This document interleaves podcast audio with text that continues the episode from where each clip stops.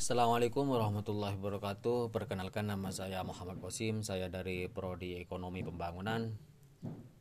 Oke, pada kesempatan kali ini saya akan mengulas atau mereview tentang money politik yang sering yang sering terjadi di desa. Sesuai apa yang saya baca di artikel bahwasanya terjadinya money politik tersebut disebabnya terlalu longgarnya penjagaan dari Bawaslu maka terjadilah hal-hal yang tidak diinginkan seperti money, politik tersebut. Itu yang menjadi pokok yang sangat kuat terjadinya pokok yang sangat kuat terjadinya money.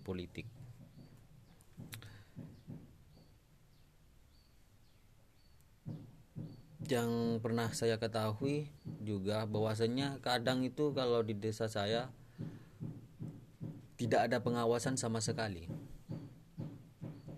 Sama sekali tidak ada pengawasan dari Bawaslu maka terjadilah money politik.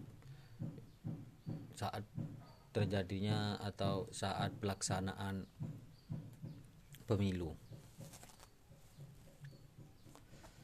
Di desa Bojonegoro ini persis sekali terjadi yang pernah saya alami di desa saya yaitu kurang penjagaan saat melakukan saat melakukan pemilu. Kadang yang saya herankan itu Bawaslunya sendiri itu memainkan money politik. Nah, dari situlah pemerintah harus tegas untuk tidak melakukan hal-hal yang tidak diperlukan. Sebaliknya, untuk masyarakat desa harus mempunyai kesadaran sendiri untuk tidak melakukan money politik, karena money politik itu akan merugikan pada diri kita sendiri.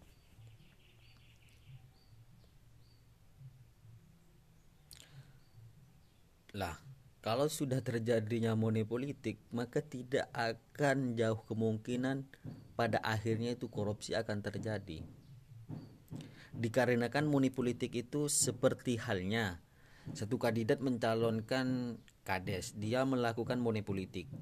Dan dia terpilih. Maka modal yang menjadi money politik tersebut harus balik. Karena kenapa? Tidak jauh kemungkinan dana desa yang dikeluarkan oleh pemerintah itu akan dijadikan bahan bayar hutang yang modal yang dia keluarkan terlebih dahulu sebelum dia menjadi kepala desa.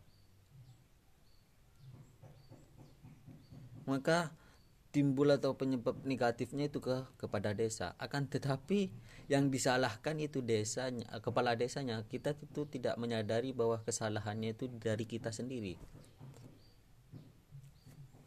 Karena kenapa? Yang pernah saya yang pernah saya ketahui atau mendengar cerita dari seorang guru saya orang yang mencalonkan dia itu punya maaf dia itu punya teman yang mencalonkan DPR dan dia terpilih dan dia mengatakan modalnya itu cuma satu M itu atau 100 juta itu hangus. Lah maka dari situ kalau tidak melakukan korupsi dari pengeluaran untuk money politik itu untuk timbal baliknya itu dari mana kalau tidak korupsi?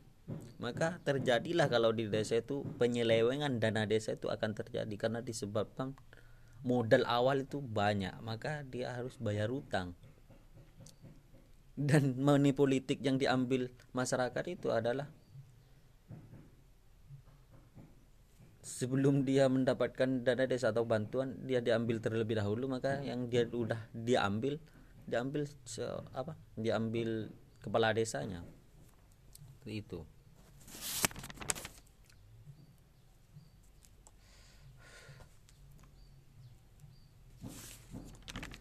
mungkin yang pernah saya ketahui semua desa itu pasti keluhannya itu tentang dana desa dana desa. Kebanyakan terjadi dari desa itu penyelewengannya penyimpangannya itu dari dana desa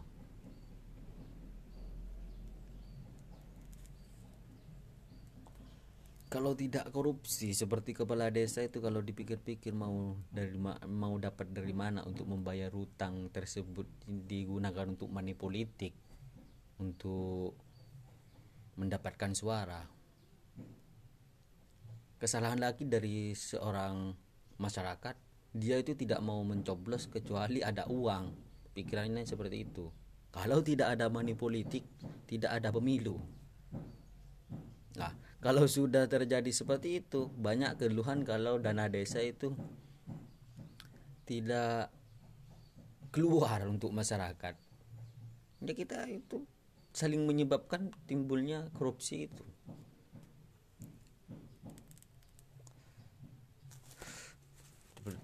ya kalau dipikir-pikir kembali kalau kepala desa itu tidak korupsi mau dari mana untuk membayar modal yang digunakan money politik? Uang gajinya itu satu bulan itu cuman 5 juta anggaplah 5 juta. Dia cuman menjabat lima tahun. Kalau dia tidak korupsi mau timbal balik modalnya itu dari mana? Kalau bukan untuk memakan uang rakyat gitu loh mungkin yang saya ala yang saya pernah ketahui juga yang pernah saya berdiskusi berbincang-bincang oleh teman-teman muni politik untuk melakukan apa itu untuk melakukan pencegahan atau me memberi saran itu terlalu sulit untuk memberantas tentang money politik ini karena sudah melekat untuk masyarakat. Ya seperti balik dari awal masyarakat itu tidak akan melakukan pemilihan sebelum ada uang itu pikirannya. Baik itu dari desa baik itu dari pilek baik itu dari gubernur baik itu dari bupati atau presiden kalau tanpa uang atau tanpa money politik di pemilu itu tidak akan berjalan seperti itu. Mungkin menurut saya pemerintah itu harus memberikan undang-undang yang sangat diperketat atau dijaga yang sangat-sangat ketat terjadi agar tidak terjadinya money politik tersebut. Balik lagi ke masyarakat. Masyarakat itu mengurangi kekerasan kepalanya biar berjalan dengan lancar.